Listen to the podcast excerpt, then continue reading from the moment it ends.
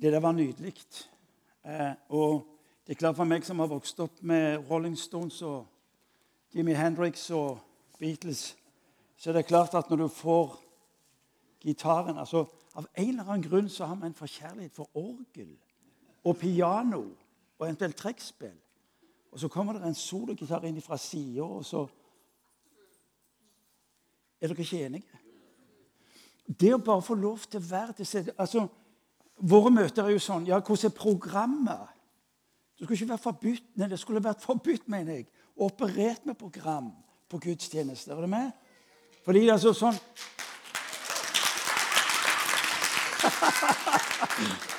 Den venta jeg ikke. Men, men, det er jo sånn altså, Parentes her. Dette er jo en formiddagssamling. Er du med? Og da er jo alt over styr, du vet ikke hva som skjer, og så tar du det som det kommer. Men det var kanskje sånn vi skulle hatt det på våre vanlige møter. For hvis du og meg har med allmaktens Gud å gjøre, og vi tror jo det til tider ikke sant? Og så sier vi han, du, sånn kan vi tenke oss å gjøre det. Og så vil vi ha det passe inn i det der. Det er jo sånn vi gjør. En sang og åpning av en sang og litt sånn forskjellig. Istedenfor å våge det der å være en for Guds ansikt og la Han få lov til å tale til oss, berøre våre liv. Og jeg eh, Det er noe utrolig vakkert i dette huset, folkens. Dere skjønner ikke det, for dere lever her. Men for meg som kommer utenfra, så er det noe i dette huset som er spesielt. Og jeg tror Gud eh, tar dere på en vandring og har gjort det i mange år. Mange år fordi dere har bygd en kultur som, er, som denne verden lengter etter og vil ha en del av. Men den skjønner ikke riktig helt hva, hva vi holder på med. Men det går nesten på å si ikke bry dere med om ikke de skjønner. Kirkas store og største fare er at vi skal prøve å gjøre det tilgjengelig, slik at folk forstår. Da Jesus vandret på denne jord, hadde han aldri som mål at folk skulle forstå ham. Men han presenterte noe for dem som gjorde at de begynte å fylle ham. Og ved å fylle ham forsto de hva han holdt på med.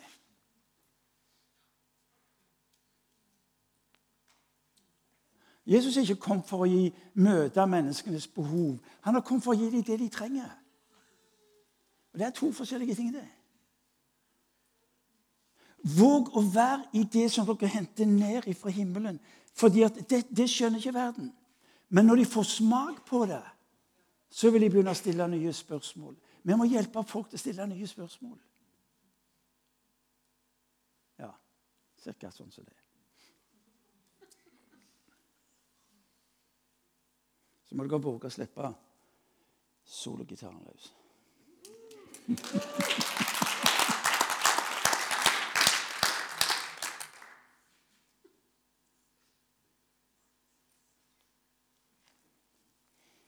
Jeg har ikke begynt ennå. Han sa jeg kunne holde på til tolv, så får jeg se hvordan vi klarer å slutte dette. Men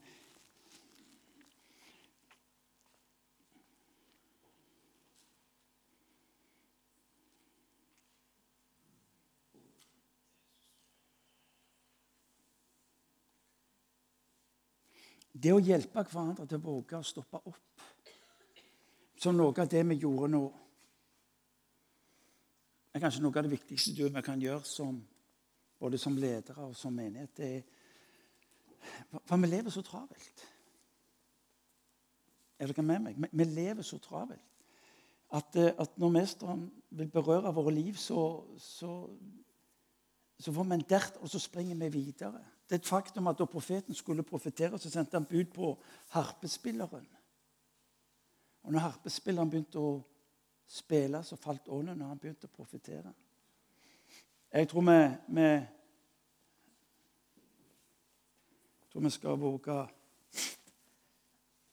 Hvis du tror det er lett for meg å se dette her, så kan jeg si det ikke det. Men jeg tror vi skal våge å slippe kontrollen litt mer.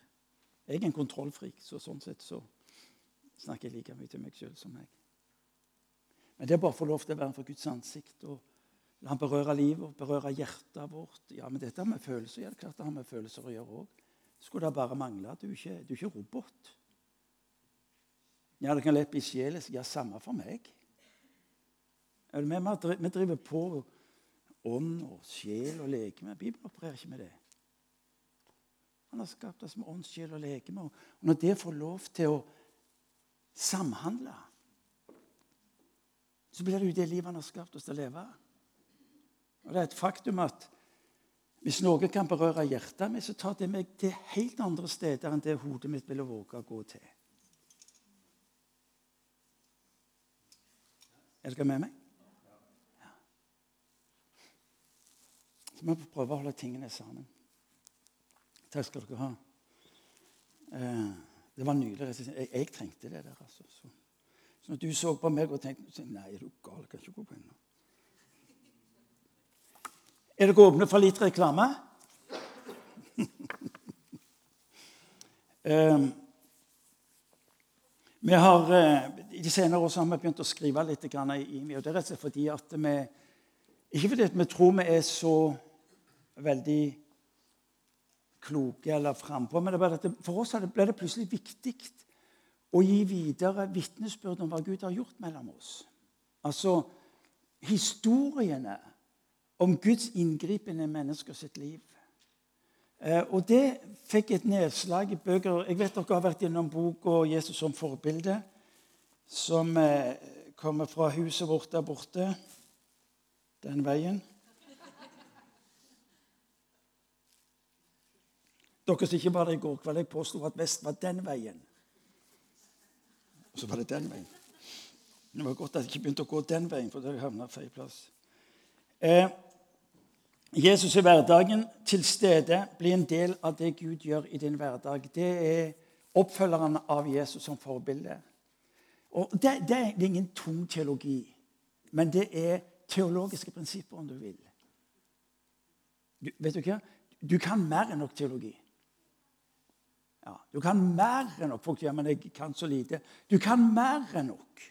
Når Paulus skriver sine brev til menighet i de ulike menighetene, så har de vært kristne fra ett til fire år, de fleste av dem. Når Paulus henvender seg til Korintermenigheten, så er det til en menighet som har vært kristne i fire år. Og de har noen, de har noen smale striper av skriftlig materiale. Ellers er det overleveringer muntlig med autoritativ myndighet. Men det var unge kristne. Du og meg som har hørt Guds ord i mange, du kan mer Ditt ansvar er bare å sørge for at det blir utgangspunktet for det Gud vil supplere det med når du begynner å ta det ut. Vi tror at når du får vitnesbyrd om hva Gud har gjort, så vil du gjenkjenne at det der kan jeg òg få leve i. Vitnesbyrdet fra Nytestamentet, evangelieberetningene, er primært en påminnelse om at Gud var overfor mennesker, og på samme måte vil han være overfor ditt liv i din hverdag, der du lever. Til stede ei bok egentlig om enkle teologiske prinsipper. Det er vitnesbyrd om mennesker som vågte disse prinsippene. Og så er det enkle praksiser på hvordan du kan gjøre og leve i det samme. Til stede. Den andre boka som kom ut i januar, den heter 'Et liv i frihet'.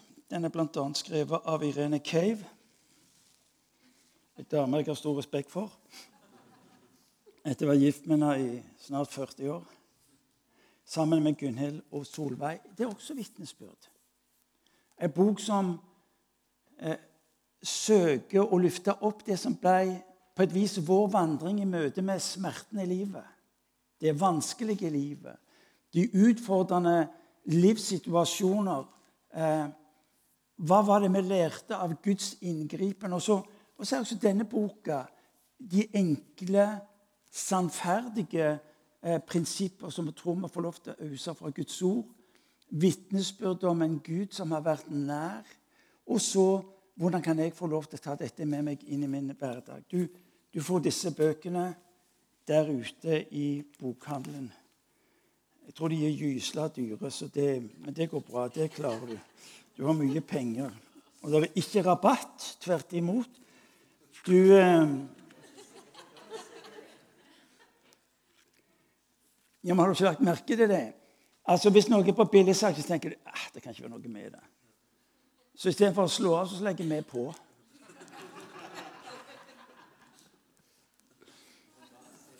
Hæ? Ja, ja.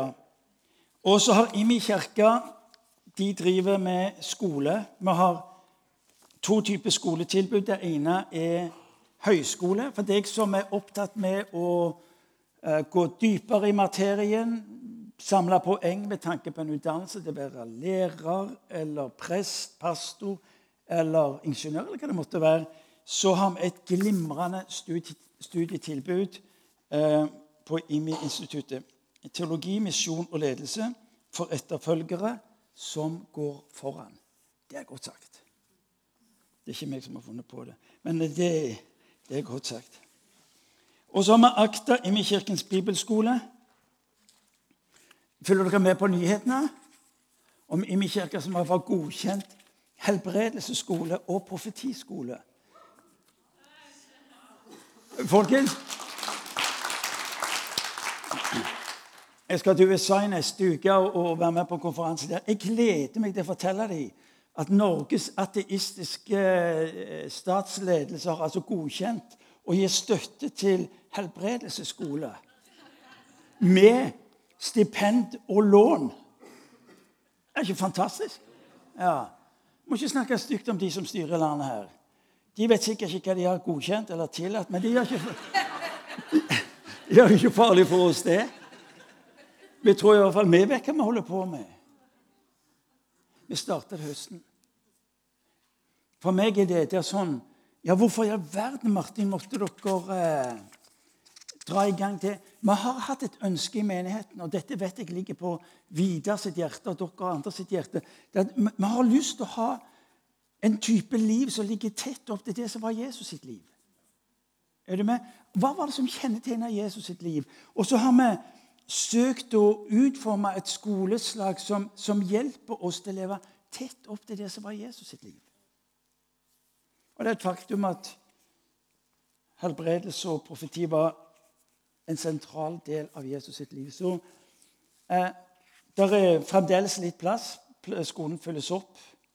Eh, til den vanlige bibelskolen. Vi har lovsangskolen. Den tror jeg holder på å bli fylt opp. Så der må du hive deg rundt og, og hvis du skal få det til. Men ellers så anbefaler jeg dere alle. Noen av dere ser jeg eh, er ferdig med tenårene.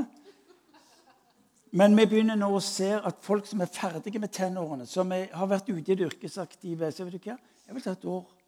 Ta et år så vil jeg eh, gå på skole. Jeg fikk aldri sjanse til å gå på en bibelskole eller ta et studium. Og så, og så eh, Det kan være du kjenner noen som du ønsker det beste for. Jeg vet at dere har Ansgar bibelskole. alt det der. Anbefal den òg. Men hjelp folk til å våge et år hvor de er i fordypning, hvor de får hjelp til praksiser, slik at de kan leve et liv på utsida. For det var det Jesus gjorde. Han lærte dem, han modellerte for dem, og så fikk de sjansen til å leve det ute i hverdagen. Så du som vil vite mer om skolen vi har eh, to student tidligere, nei, En er student på AKTA. Og, og eh, eh, Nils Einar det er han ikke, det er faren. Einar, sønnen, sitter her. Han har gått både på AKTA-skolen og på, på, instituttet. Du kan spørre dem hvordan det er, og få gode tips fra dem. Hvis du tror at dette var innledning, så var det ikke. Jeg har begynt. Men før vi går videre, så eh, er det eh,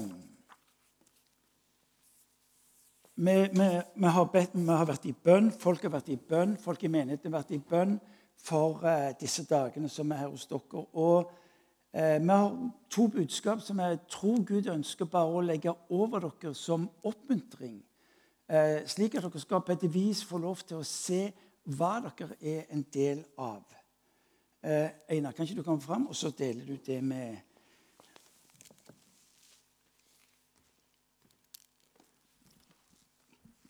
Ja, jeg har eh, manus på telefonen her. Jeg fikk denne meldingen her etter noen hadde bedt, og det var bildet de hadde sett. Det syntes å se mange fugler som gikk på bakken. Og Så kom det en vind som gjorde at de forsto at de var fugler og var skapt til å fly. Noen prøvde å bli fulgt av glede. Andre så på og ble smittet av det og Så torde de òg å fly. Og flere og flere kom på lufta. Og en ny vind løfta de opp til nye høyder. Og der ble de liggende på oppdriftsvinden, og de ligna på ørner. Og Det var bildet vi fikk eh, fra de som hadde bedt for oss. Og I går her i lovsangen så lytta jeg etter et ord Gud, fra Gud. Og da når jeg begynte, å komme litt inn i lovsangen, så så jeg akkurat som en elv som kom mellom benkradene og gikk fram mot alteret mot scenen og bare spadde seg videre rundt. Så fikk jeg ordet fra Gud at det, det begynner å strømme på, og ut fra der så vil det strømme mer. Så ut fra overgivelse så vil det komme mer og mer. Og det har allerede begynt.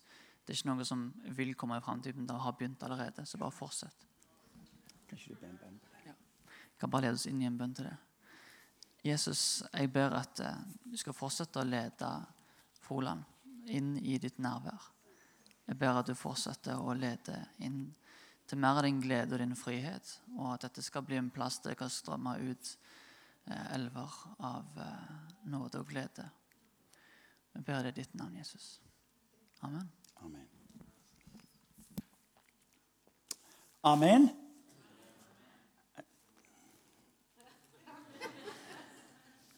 Skal vi reise oss? Hvis du tror jeg skal slutte tidlig, så er det ikke det. Men, men eh, det er jo fantastisk å få, å få et slikt løfte innover livet vårt. Det er jo det. Og så våger vi til og med å tro at det ikke er ene som kommer med det, men det er faktisk det er en Guds tiltale. Det er ikke småtterier, det heller. Tenker på det. Ja. Vi ikke gå sammen tre og tre, og så takker vi for disse ordene dere hører om Guds eh, måte å se på oss på, hans måte å ville handle med oss på, løse ut tingene med. Kan dere tre og tre, så, så, eh, så takker dere. Først og fremst takke for det han gjør mellom oss.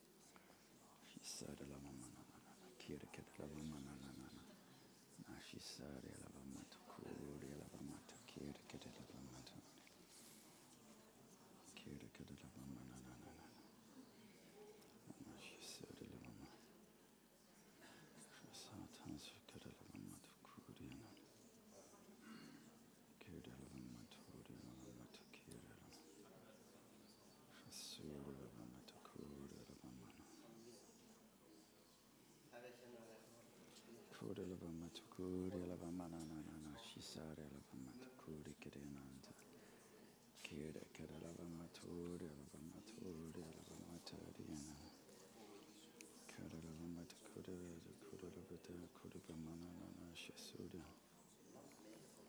shi sure la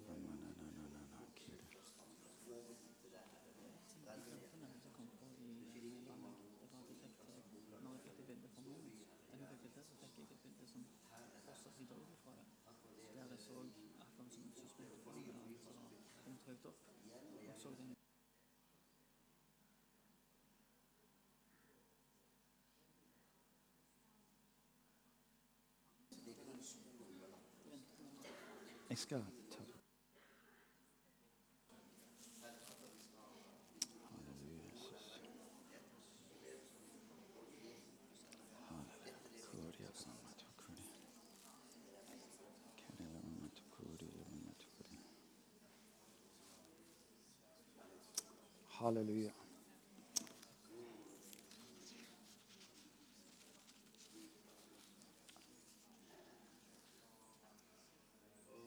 Halleluja.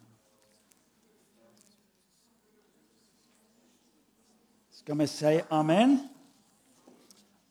Amen.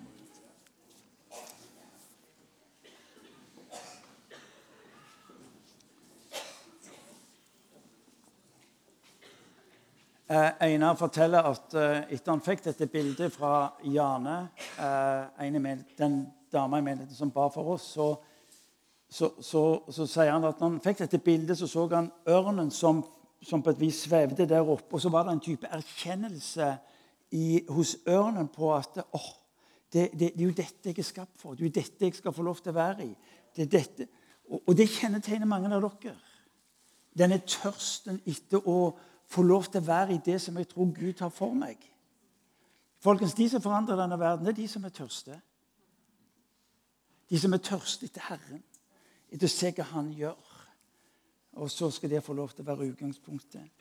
Eh, I går så, så vi på de to byene. Det var Sykar, og så var det byen Samaria. Vi fikk tak i at Gud spør ikke etter forutsetninger eller de såkalt korrekte utgangspunktet. Dette var to byer eh, i eh, Samaria. Eh, det sted hvor, eh, eh, som jødene eh, forakta mest, og som de ville ha minst med å gjøre. Begge disse to stedene ble utgangspunkt for vekkelse. landsby ble frelst ved at en kvinne erfarte at Gud greip inn i. Det var en by i Samaria hvor eh, når de møtte ordet om Jesus og så undergjerningene, så kom de til, og så trodde de på denne Jesus. Og så hørte vi hvordan Philip fra Samaria blir sendt til eh, veien eh, hvor han møter den etiopiske hoffmannen. og så, som blir altså utgangspunktet for den koptiske kirke med, med 30-40 millioner kristne som jeg vet i dag lever. Eh, aldri forakt. Aldri se ned på det som synes å være diskvalifisert med tanke på betydning. Enten menneskers livssituasjon, samfunnsforhold, religiøst utgangspunkt, eksempelvis muslimer. Altså, Gud sender deg og meg. Gud møter oss der hvor vi er, og hvor de andre er, for å bety en forskjell. Eh, vi skal i dag fokusere på og jeg har, jeg har, valgt å snakke noe om at du kan forandre eh, dine omgivelser eh, på en slik måte at de våger å tro at Gud er Gud. Eh, av og til så gjør vi oss sjøl til utgangspunkt, og så tenker vi ja, mine forutsetninger, og så har vi regnestykkene. Eh, vi skal gå inn i eh, en beretning kort, og så skal vi ta tak i et utsagn som Jesus har til sine disipler. Det Utsagnet er ut fra en engelsk oversettelse av Bibelen, men som for meg har på et vis hjulpet meg til å forstå hva jeg er en del av. Eh, men det jeg vil du skal ta med deg herifra, det er en opplevelse av at jeg kan bety en forskjell der hvor jeg er. Jeg kan bety en forskjell. Jeg kan si at jeg ikke betyr, eller jeg kan bli taus på hva jeg har fra Gud i utgangspunktet, eller jeg kan våge å gå inn i det. I første kongebok, eh, kapittel 18, vers 36, eh, møter profeten et folk hvis historie er opprør og ulydighet. Det er et folk som på den ene sida tilber Javé, og så sikrer de seg for at det skal gå i balanse med å tilbe avgudene. Eh, Kirka sitt problem er aldri, Den kristnes problem er aldri den såkalt rette og sanne lære, men det kan vi supplere den med for å sikre oss. Er dere med? Det var israelsfolkets historie. De kunne si at de, de holdt seg til Skriftene, de gjorde det som han sa de skulle gjøre, men de hadde alltid et avgudstempel i tillegg. Og så var det det som tok de ut i elendigheten. Og der er de altså på berget, hvor, eh, hvor eh, profeten har utfordra Bals-profeten og så har sagt ok, la oss nå se hvem som er sterkest. Enten det er Bal eller det er min Gud. Og så husker dere beretningen hvor eh, profeten roper ut til Gud i 1. kongebok kapittel 18, vers 36. La det bli kjent at du er Gud, og at jeg er din tjener.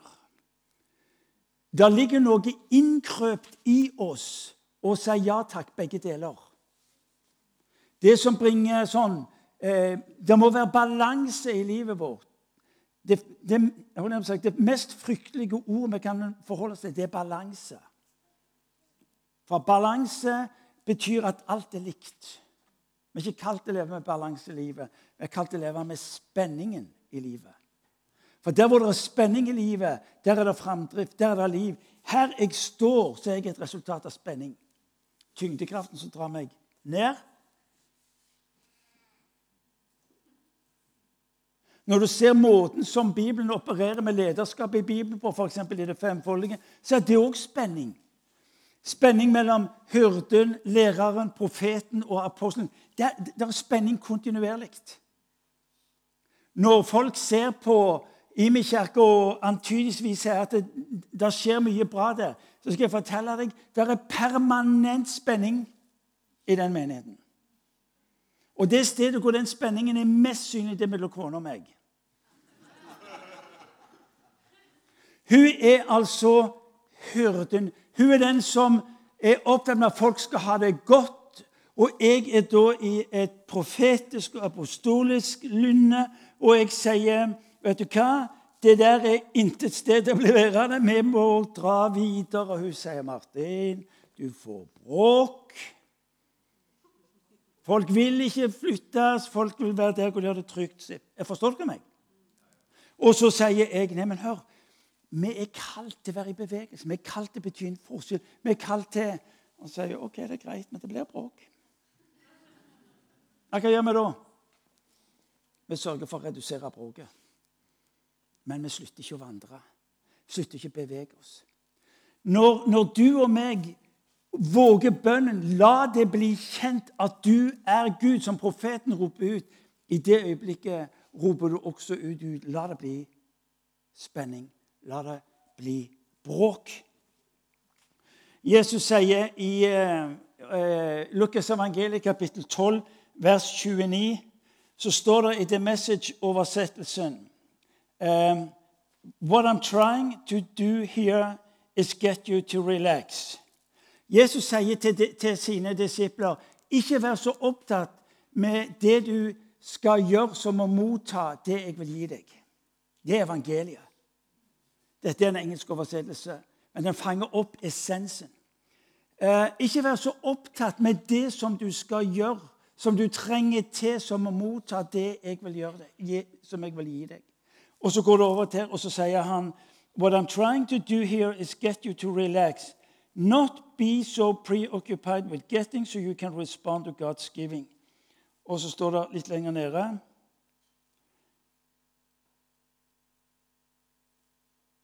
Jeg prøver å finne det. Husker dere i går òg?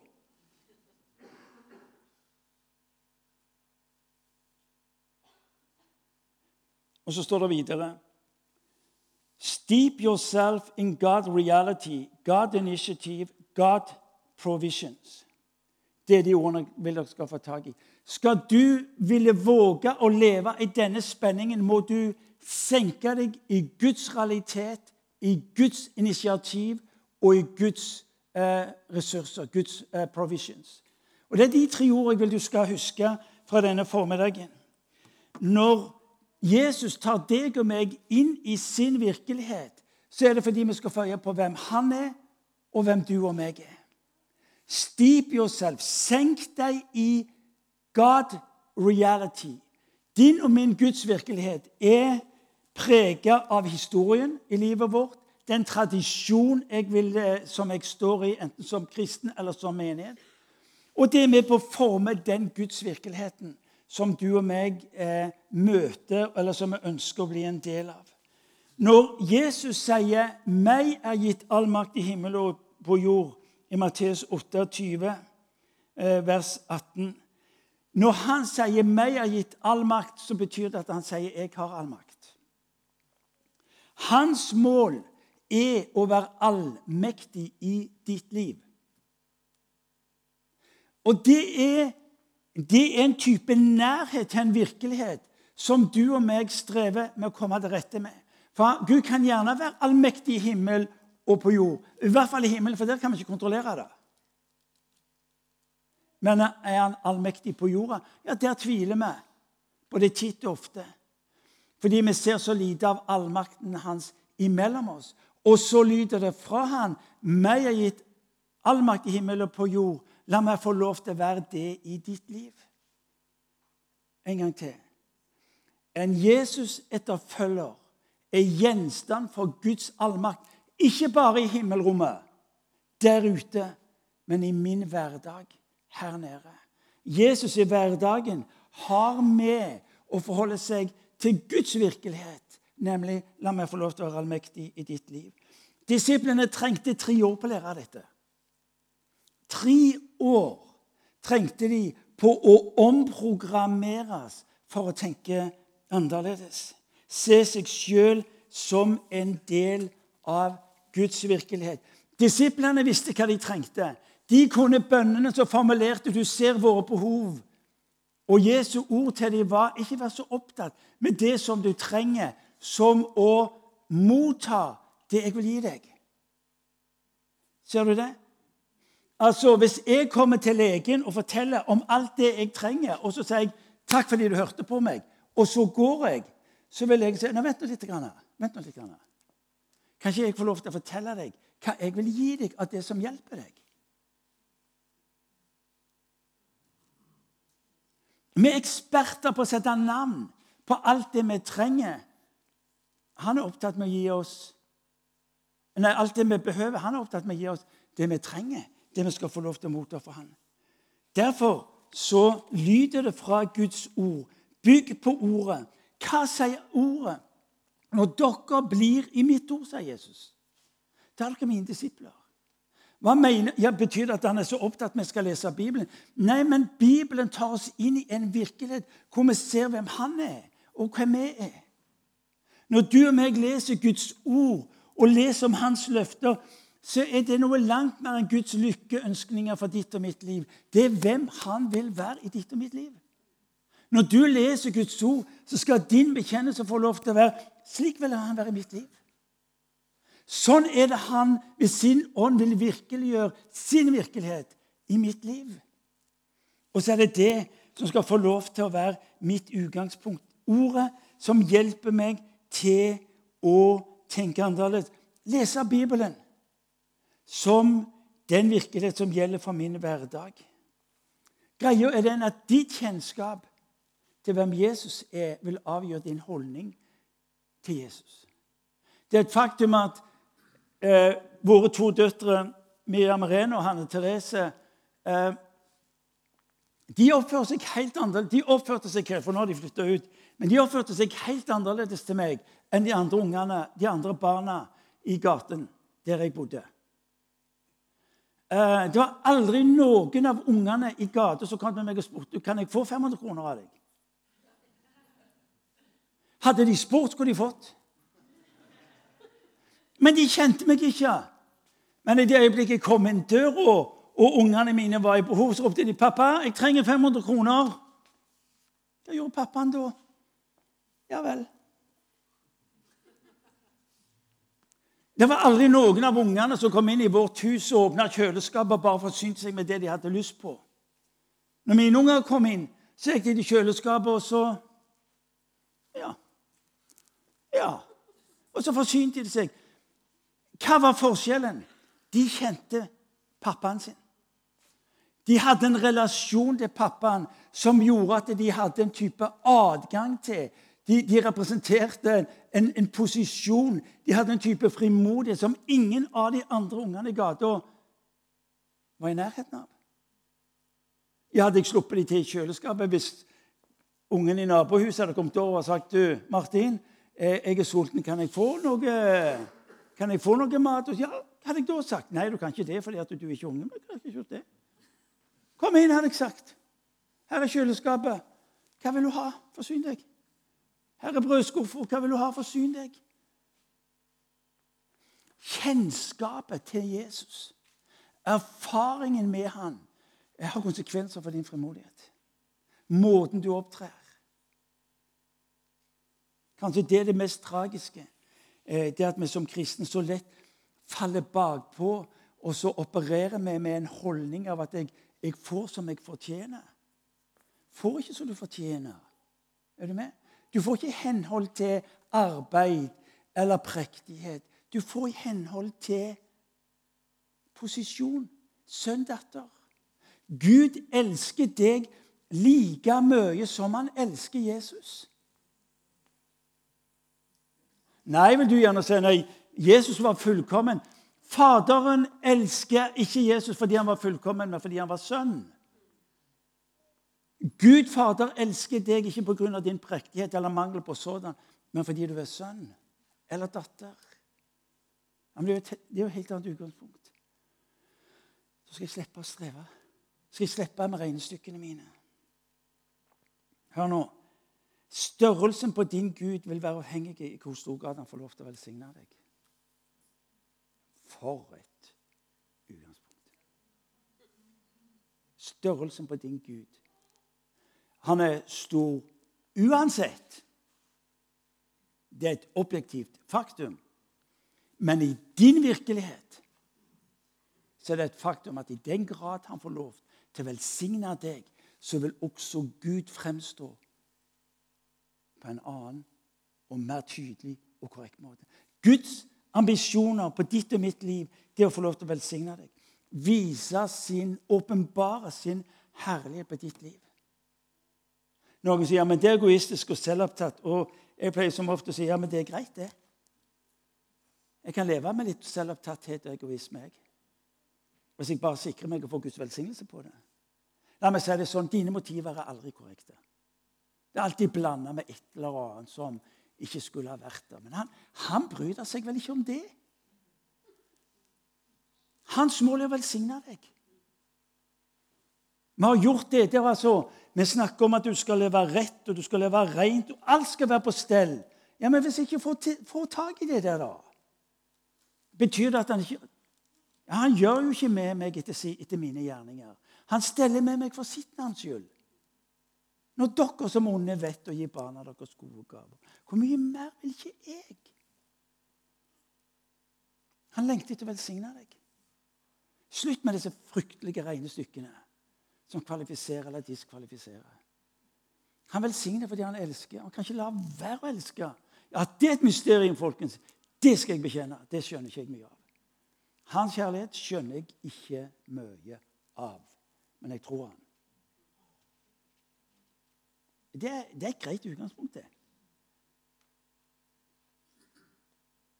Tenk å stå opp om morgenen og vite at Gud Fader har ett ønske. Det er å ditt liv.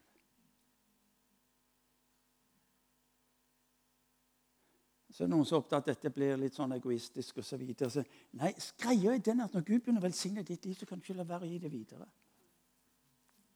Ja, men du må ikke Og så begynner vi med formaning. Slutt med det der. Når Gud begynner å velsigne ditt og mitt liv, så, så tar han deg inn i det som er av seg.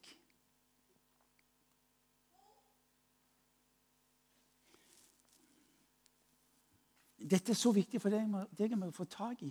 Den, denne, denne Guds virkelighet av en Gud som har steget ned fordi han vil være Gud i ditt og mitt liv. Hva vil det si å være en kristen? Jo, det er å la Gud få lov til å være Gud i livet ditt.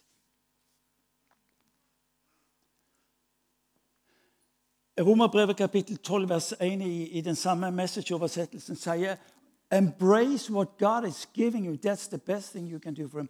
Omfavn det jeg gir deg, det er det beste du kan gjøre for Gud. Ja, men Det kan jeg godt være med på. Får ikke alltid, får ikke alltid tak på livet mitt. Jeg klarer ikke alltid å leve sånn som jeg skulle gjøre. Og hvis du, Folk ser på meg og de tror at jeg er, med den lønnen må jeg være gysla from.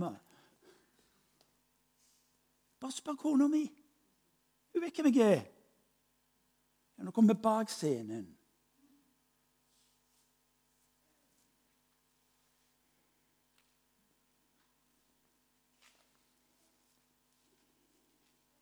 Spørsmålet er ikke hvor mye du får til, men hvor mye han kan få lov til å gi deg.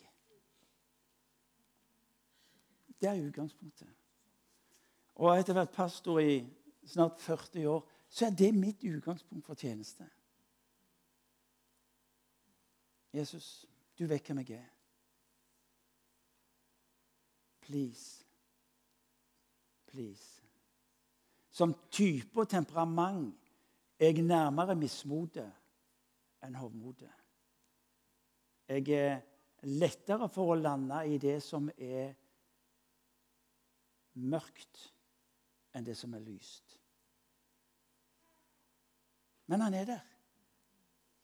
Og så har han sagt at han går med meg i det. Du skjønner det at eh, det du og meg har gjort til en oppgave, representerer Guds gave i din hverdag. Når du er der ute og du lurer på hvordan du skal få lov til å bety en forskjell, så, så har du og meg gjort det til en oppgave. Mens det han har gjort det til den gave, Han har rekt deg og meg sin gave, som du og meg bare skal få lov til å gi videre. Blir ikke det noe annet? Ordet som gir liv.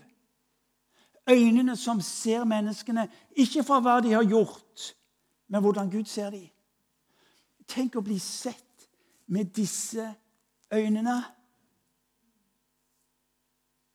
I en verden som kaver på å skulle overleve, og så nederlagene står i kø, og smellene altså det, Det å gi videre Guds gave. Den gaven han har gitt deg, skal du og meg få lov til å gi videre. Hva vil det si å tjene i denne verden? Jo, det er videre den gaven Gud har gitt deg. Ja, men det kan jeg.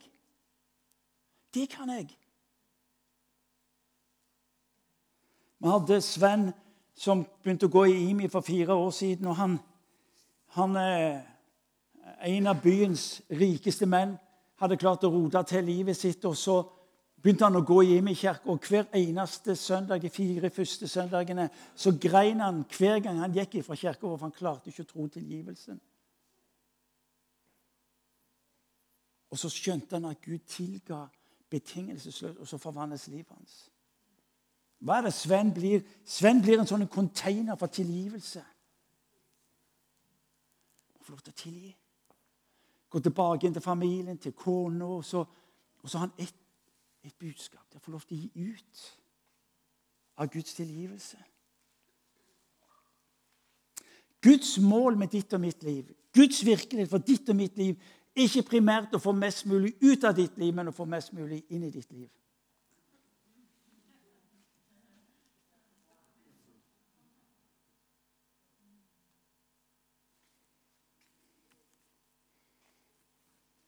Guds initiativ. Senk deg i Guds initiativ. Hvordan får, nei, Guds eh, virkeligheten. Hvordan får jeg tak i Guds virkeligheten? Derfor blir Guds ord så grassat viktig. Jeg leser ikke Bibelen fordi jeg er kristelig. Ja. Jeg leser Bibelen fordi jeg trenger å få tak i hvordan han ser på meg. Tenk, sånn ser han på meg. Martin, alt er mulig for den som tror. Wow. Ja, det skjønner jeg ingenting av. Ja, Men bli værende det litt til, da. Så jeg kan få lov til å vise deg. Alt er mulig. Og så er Guds ord og så, For du skjønner det at eh, Guds ord er Kristus kom til deg sagt, gjennom to permer.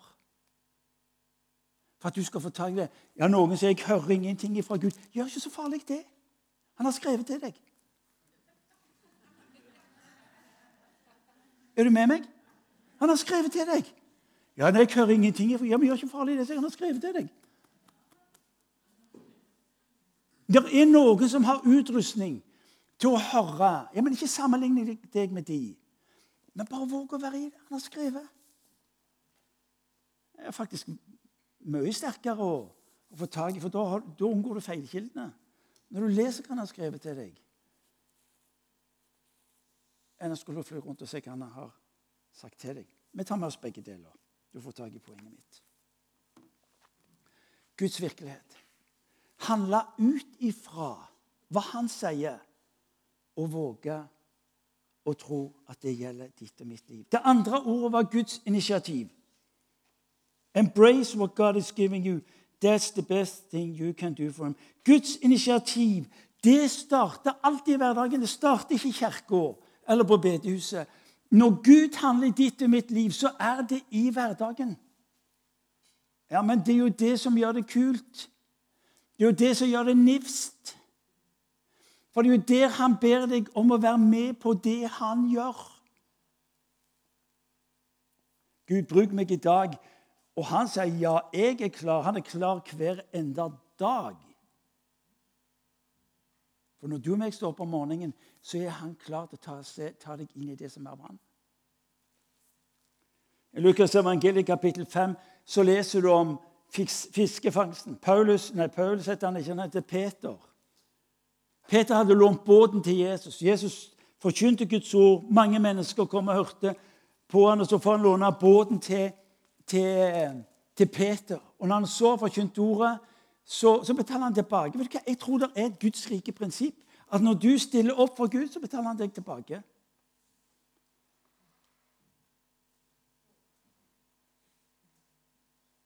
Ja, jeg tror det. Jeg kan spekulere i det. Bibelen sier det at den som gir, får. Det, kalles, det er sånn, den er sånn himmelsk børsoppsett. Hvis du investerer, så får du tilbake. Du får avkastning. Det har du aldri tenkt. Det er faktisk du som avgjør hvor mye du skal velsignes òg. Det har du aldri tenkt på. Men da står det den som, den som gir lite, får lite. Hvis du vil velsignes lite, så gir du bare lite. Det er ikke verre enn det. Hvis du vil velsignes mye, så står Skriften så velsigne. Det står i boka. Det er ingen spenstig predikant fra Vestland som sier dette her. Det står i boka. Ja. Ta den med hjem og tenk på den i hvert fall. Er det meg som avgjør hvor mye jeg skal velsignes?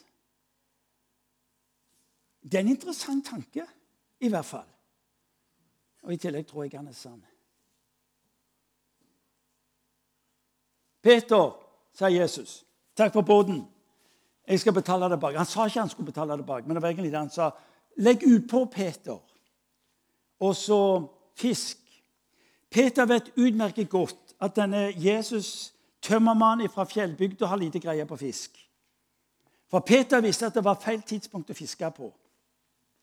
Hvis du tror at Peter, der han står på strandbredden, er full av tro og begeistring for at han nå skal ro ut og fiske, for det er han ikke. Han sier det allerede sent på dagen, mester. Det han egentlig sier, er at du har ikke greie på hva du snakker om. Men på ditt ord gjør jeg det. Dette må du få tak i. For når Bibelen snakker om Guds initiativ, så er den fryktelig lite opptatt med tro. Jeg har ikke tro, har ikke mye tro. Jeg vet ikke hva jeg tror. Hva er det Peter gjør for noe? Han sier OK, det er greit. Jeg handler. Tro er lik lydighet. Og når Peter ror utover på Genesaretsjøen, så vet han egentlig ikke hva han holder på med.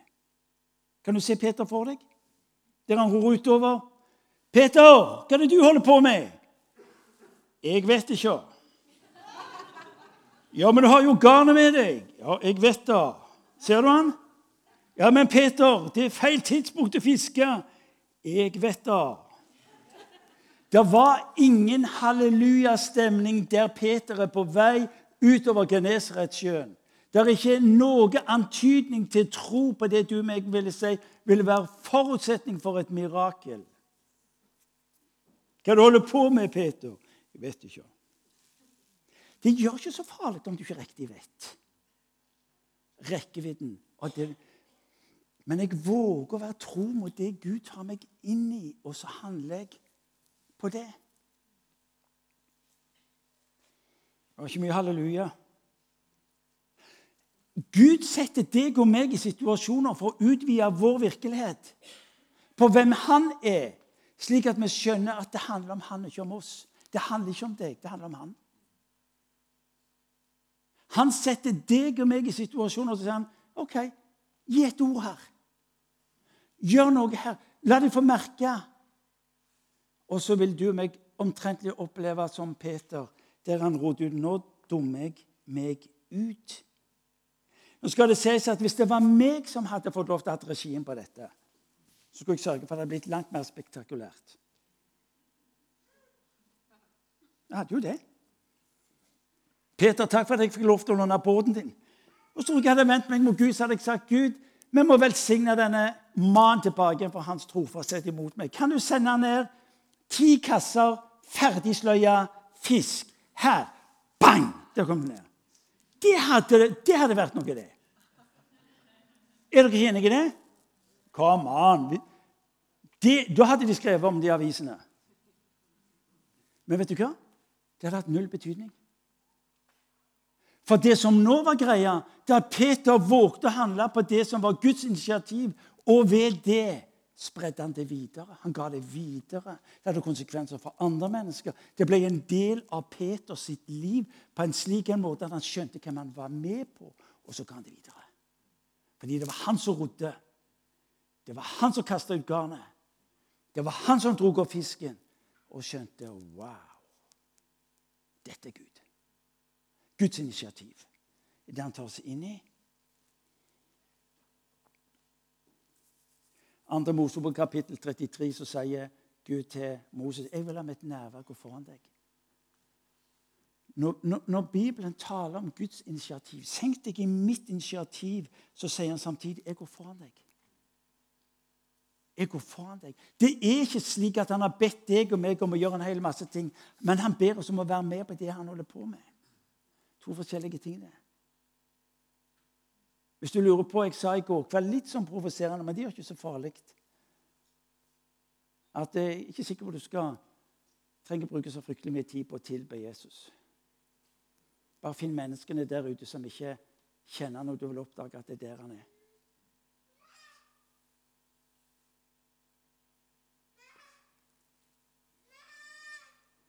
Herren skal stride for deg og du skal være stille. Hva, hva er det dere ser i Frauland? Frauland. Frauland. De gamle sier Frauland. Frauland, Frauland. Ser dere alt som skulle vært annerledes, eller ser dere det som dere har gitt mulighet til å forandre? Jesus i hverdagen har noe med en Gud som vil bety en forskjell. Og det har noe med å forstå hvem han er, hva som er hans initiativ. Og der du er, er du i stand til å forandre denne bygda, denne byen, var det noen som påsto i går. Dette området. Hva ser Gud annerledes enn det du og meg gjør? Han ønsker å åpenbare det for deg. Der Peter så svart hav, så Jesus fisken. Der Peter så alt som tilsa dette ble feil, så Jesus hva han ville gjøre. I, eh, i brødunderet Johannes evangeliet kapittel 6 så er det 5000 mennesker, og Jesus sier til dem gi dem mat fordi han sjøl visste hva han ville gjøre. Der du og meg ser det svarte havet, ser han fisken. Jesus sier, 'Jeg gjør ikke noe annet enn det jeg ser min far gjør.' Ser. Far, hva er det du ser? Hva er det du gjør? La meg få lov til å være med på det som du gjør.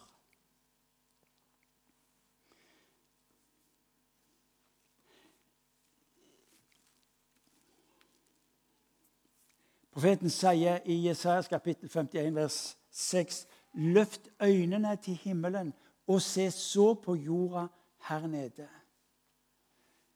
Det er en åndelig øvelse som du og meg gjør vel i å ta med oss.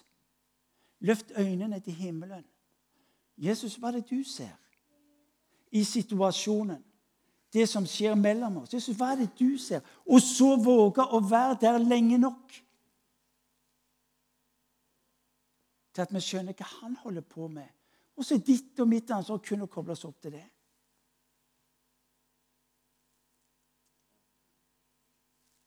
Om dere forstår hva jeg sier? Dere som nikker, dere andre dere er litt usikre ennå.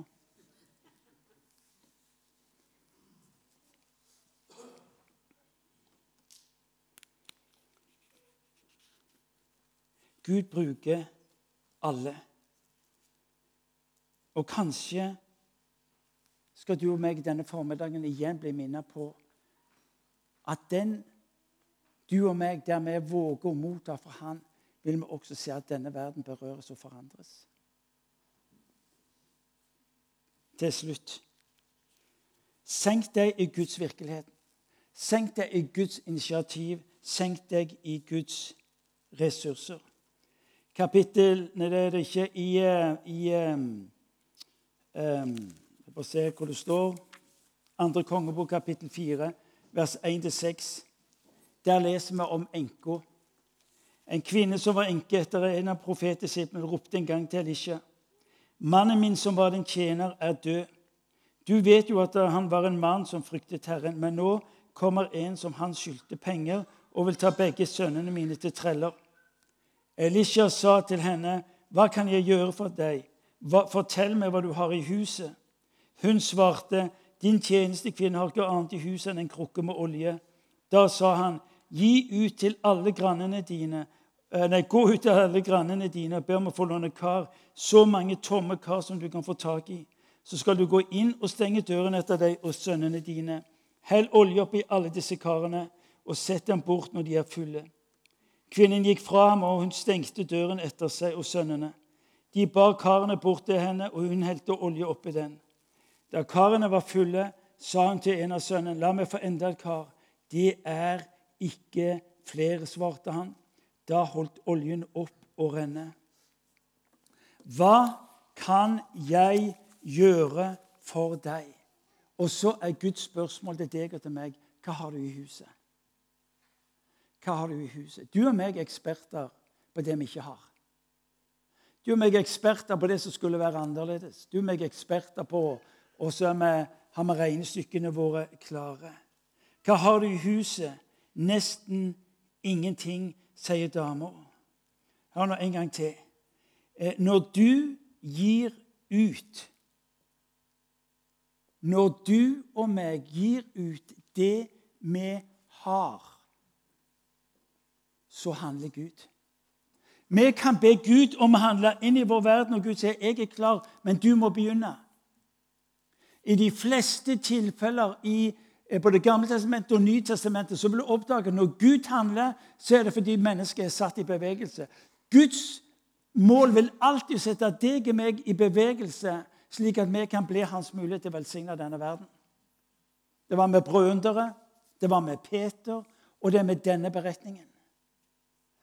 Eh, når du og meg våger å gi ut, eh, så vil du oppdage at han handler.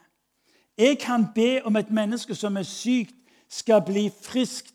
Og han sier, 'Legg hendene på det.' Eller tal mitt ord inn i det menneskets livssituasjon. Gud bruker deg og meg. Eh, satt på spissen. Det er nesten så jeg av og til tenker vi har bedt nok om hva Gud skal gjøre i Stavanger og i Frauland. Froland. Det er godt mulig han sier til dem, 'Hell ut'. Hell ut til dem.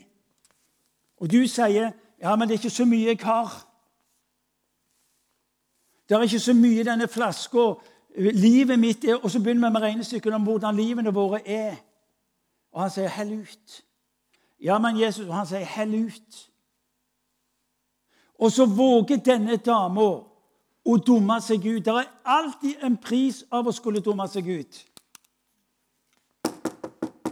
Ja, hva er det? Du, eh, Har du noen kar? Noen tomme kar? Ja, jeg har det. Hva skal du med de? Jo, jeg skal Jeg vet ikke.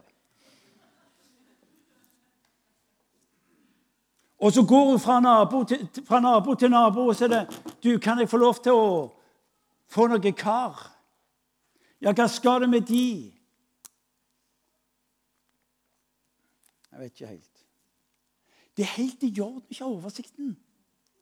Det er helt i orden å ikke ha kontrollen. Det er helt i orden å dumme seg ut.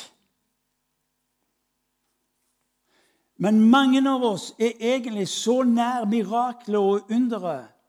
Men vi går rundt og venter på at Gud skal tømme si flaske over det, mens han sier, 'Martin, du får begynne'.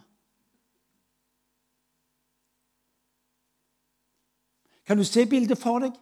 Dama som hadde fylt opp hele huset sitt med kar. Kan du se noe for deg?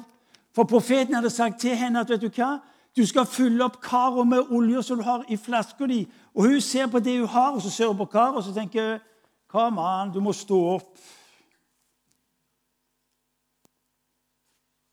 Jesus, du må fylle opp disse menneskene. Jesus, du må gjøre noe i disse menneskene sitt liv. Du ser på jobben min, du ser osv.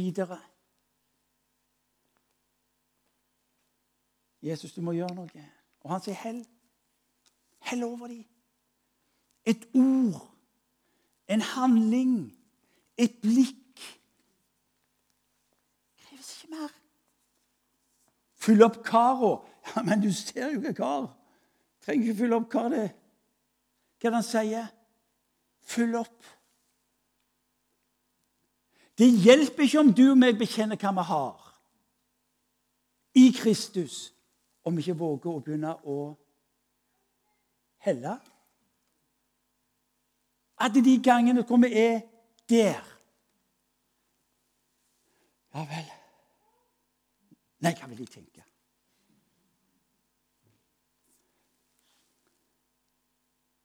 Hva vil de tro om meg? I det øyeblikket skjer underet. I det øyeblikket skjer underet. I det øyeblikket så skjønner hun Det er sånn det funker. Og det interessante er at den dama som sa 'Jeg har bare ei flaske med litt olje i' Hun spør på slutten etter å ha fulgt opp 20-30-40 kar sikkert er det ikke flere kar. Hun så ikke lenger på hva hun hadde, men hva hun var en del av.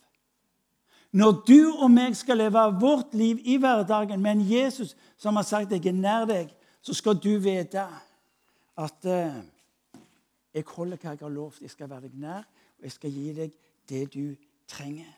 Hva kan jeg gjøre for deg? Hva har du i huset ditt? Når du og meg møter mennesker i vår hverdag, så kan du og meg få lov til å gå rundt og så kan vi få lov til å helle inn i mennesker sitt liv. Og du tenker det er så ubetydelig, det du heller inn i livet, og langt ifra. Og du tenker at ja, men å, langt ifra. Han sier begynn å helle. Når du står opp om morgenen og så ser du hva du har, så tenker du 'Takk, Jesus'. Det er ikke mye, men det holder. Det er helt annet regnestykke. Bitte lite grann. Ja, men det holder. For hans utgangspunkt er ikke hva du har, med hvem han er i ditt og mitt liv.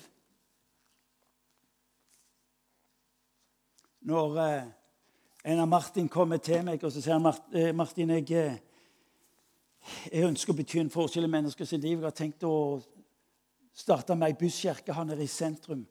Og jeg tenker at eh, ja, det er ikke tingen jeg tenkte fille. Gamle busser er bare bråk, tenker jeg. Det er vedlikehold og kostnader. Så jeg sier, vet du hva, jeg tror ikke vi skal gjøre det for det er ikke der vi er som menighet. Han ga ikke opp. Tre år etterpå så kom han tilbake og sa du, det var denne bussen. Kan vi ikke prøve å få gjøre noe med den? Og jeg sier til han at ja vel, det er greit, men jeg vil ikke ha regningen. Du må sørge for regningen. Det er greit. Det er greit. Kjører han bussen ned i byen vet du, fredag og lørdag sammen med Frode. Og så ser vi hvordan han begynner å helle, bokstavelig talt, inn i mennesker sitt liv. De siste seks månedene har vi sett mer enn 50 mennesker komme til tro på Jesus Kristus. Vi har sett mennesker bli helbredet. Vi har sett at de prostituerte som går på, på strøket nede med kaien, de kommer inn i bussen og spør har du, har du en bibel til oss. Livet er så vanskelig, livet er så krevende. Har du en bibel? Og så lever de i en umulig situasjon. Og så får altså Einar lov til å være en som, som heller inn i, i mennesker sitt liv fordi han var lydig på noe Gud viste han. Jeg hadde ikke tro på den bussen, jeg. Takk Gud at jeg ikke skjønte hva jeg holdt på med. Frida Kristin, som er statsautorisert revisor i et uh, oljefirma i Stavanger, kommer inn i en avdeling og så tenker hun her er det jo fullstendig ødeleggende kultur. Det var negativt, det var kritikk, det var baktalelse. Alt var vanskelig. Og så bestemmer Frida Kristin seg for at jeg skal forandre denne arbeidsplassen. Du er i stand til å forandre enhver situasjon. Det er min tese. Hvis du bestemmer deg for det. For med en Guds virkelighet som sier 'jeg er nær deg', med en Gud som sier 'jeg skal hjelpe deg til å, se, til å ta initiativ som er etter mitt hjerte', så skal du vite at du har det du trenger. Frida Kristin bestemte seg for 'jeg skal forandre den arbeidsplassen min'. Og Så begynte hun å skrive på rosa Post-It-lapper. Begynte hun å skrive 'Du gjør en kjempejobb'.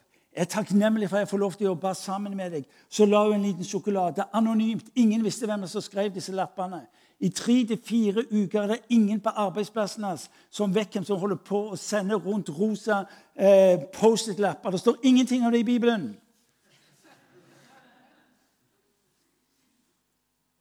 Det var hun som skrev de.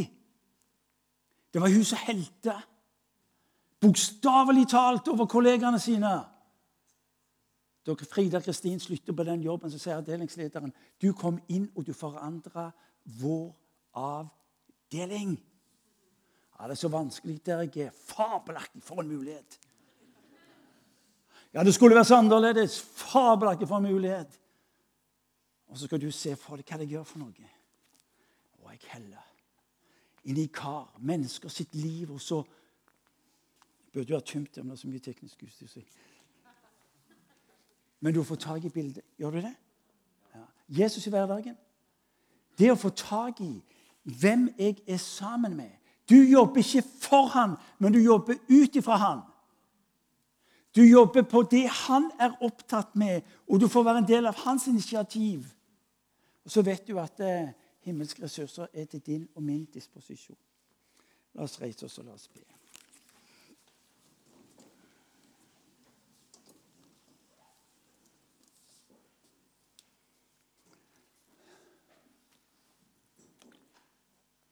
Perioder så gjemmer vi vekk flaska vår. Kanskje var livet vanskelig. Kanskje var ting som, som skjedde, som gjorde at jeg eh, mista mot. Kanskje var det nederlaget. Hør, når, når, når, Jesus ber deg om å gå med han, så tar han ikke utgangspunkt i at livet ditt er OK. Han tar utgangspunkt i deg. Og Vitnesbyrdet fra mitt liv er at når livet var vanskelig, så var det som ble redning, det var at han hjalp meg ut i det som han holdt på med. Og så ble det det som også eh, gjenoppretta ting i livet mitt, og som hjalp meg til å våge å være nær mennesker der hvor jeg vandra fram. Kanskje har du gjemt vekk flasker fordi at du ble skuffa. Gud svarte ikke. Gud eh, innfridde ikke. Og det må du leve med, at du blir skuffa av Gud til tider. Jeg har gjort det. Du òg. Og det er helt i orden, det. Han lever med din skuffelse. Men han har ikke mista troa på deg fordi om du er skuffa over ham. Du er litt lenger ned veien, forstår at, det, at det var noe fra hans perspektiv som, som ble slik som det ble. Men han kaller deg og meg det betyr en forskjell. At du og meg går fram i hverdagen. Fordi denne verden lengter etter at noen auser av hans godhet inn i deres liv. Ikke som de fortjener, men som de opplever fordi de er elska. Det fascinerende er at når, han, når du og meg auser, så fyller han opp. Når du og meg gir ut, så fyller han opp. Så la oss, la oss be. Eh, be om at han skal eh, møte deg og meg ved sin ånd på en slik en måte at vi våger både å bli omfavna av Guds virkeligheten, slik Han vil være i ditt og mitt liv. La oss be om at eh, Han skal gi, gi oss et hørsomt hjerte, så vi ser og forstår Hans initiativ i våre liv og gjennom våre liv. Og så får vi det å oppdage at når Han har lovt at alt er mulig, så er det mulig fordi Han har sagt det. Han har betalt en altfor høy pris til du, at du og meg skal tro på løgnen om at det han har, ikke holder, holder nok. Så la oss be. Herre Helligånd, takk fordi du er mellom oss som den som elsker. Kom, Helligånd. Kom, Helligånd.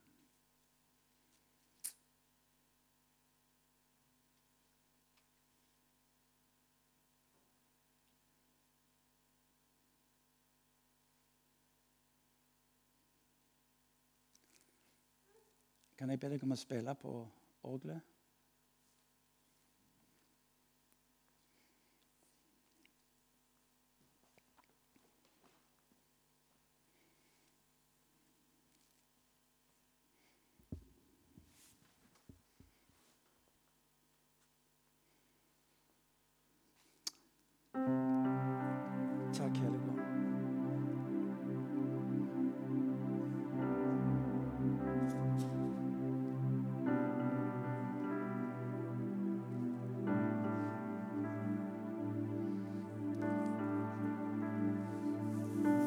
Der du står. Noe av det som var utfordringen da eh, disiplene var med Jesus, det var at de kom til ham med et tankemønster, en måte å forstå virkeligheten på, som også trakk opp de rammene som Jesus skulle arbeide innenfor.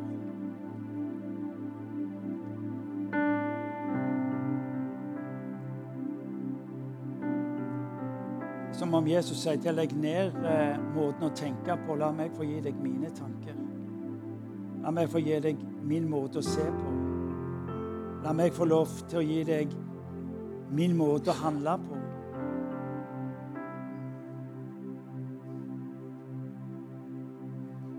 Far, jeg ber om at du skal komme til oss her vi står, og hjelpe oss til å våge å slippe taket på det som vi har kontroll på, som vi er vant med, som vi er trygge på, som er blitt både godt og kostelig for oss. Jeg ber for at du skal hjelpe oss å slippe taket.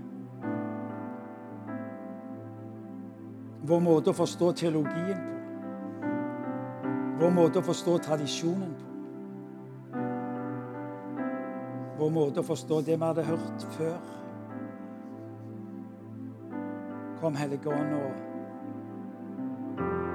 hjelp oss til å se din virkelighet. Hjelp oss at det blir en del av din virkelighet.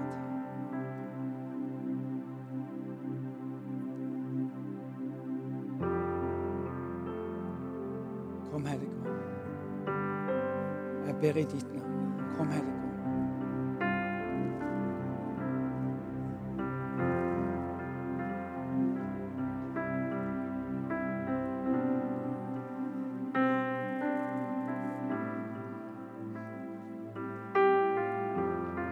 så ber jeg om at du skal gi oss å tro dypt, Herre, med forstanden og med hjertet, at du er god. Og at når du handler, Herre Jesus, så er det fordi du elsker. Herre Helligånd, jeg ber at du som har utøst av din kjærlighet i våre hjerter ved Den hellige ånd. Jeg ber at du skal Gi oss mot til å være med på det du gjør, Herre.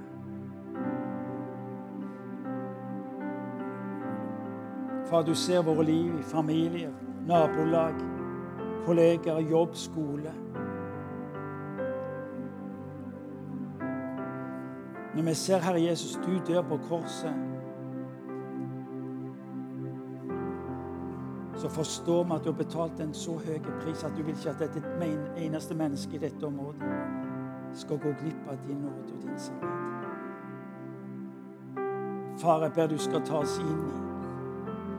Hjelp oss å se, våge å handle. Omfavne, Herre, det du gir oss. Jeg ber om det. Far, jeg ber om at det skal gå gjetord om denne menigheten og de andre Guds menigheter på området, Herre. Det skal gå et rykte om de at eh, mennesker fikk berøring med himmelen. Fikk berøring, Herre, med deg. De opplevde at noe ble helt inn i livet deres av det gode. Av håp. Av gjenopprettelse. Kom, Hellige Ånd. Kom, du Hellige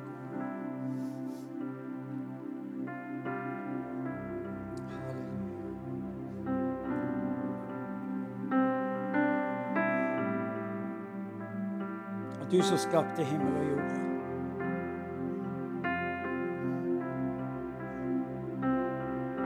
Du sier også at vi har alt det vi trenger. Takk, Hellige Så kom, Hellige Ånd. Kom, Hellige Ånd, og berør våre liv. Fyll våre liv. Far, jeg ber om det i ditt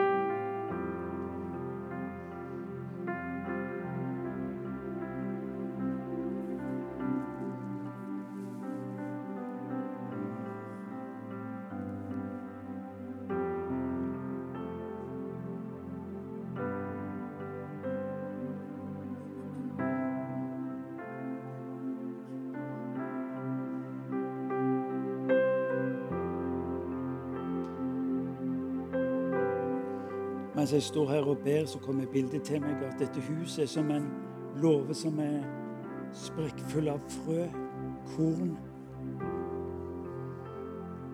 Dere har begynt å gi ut, men dere skal få lov til å gi ut av dette, disse frøene. Og legge dem inn i mennesker sine liv. Inn i situasjoner. Gå inn i eh, situasjoner som ikke er spesifikt kristelige, men som er situasjoner hvor, som har konsekvenser for samfunnet her. Og dere vet at i den bøtta med frø, der er det så mye at når dere bare gir ut, så blir det bare fylt opp. Dere skjønner ikke hvordan det ble fylt opp. Det ble fylt opp. Fordi Gud hadde fått lov til å berøre ved måten av deres måte å tenke på.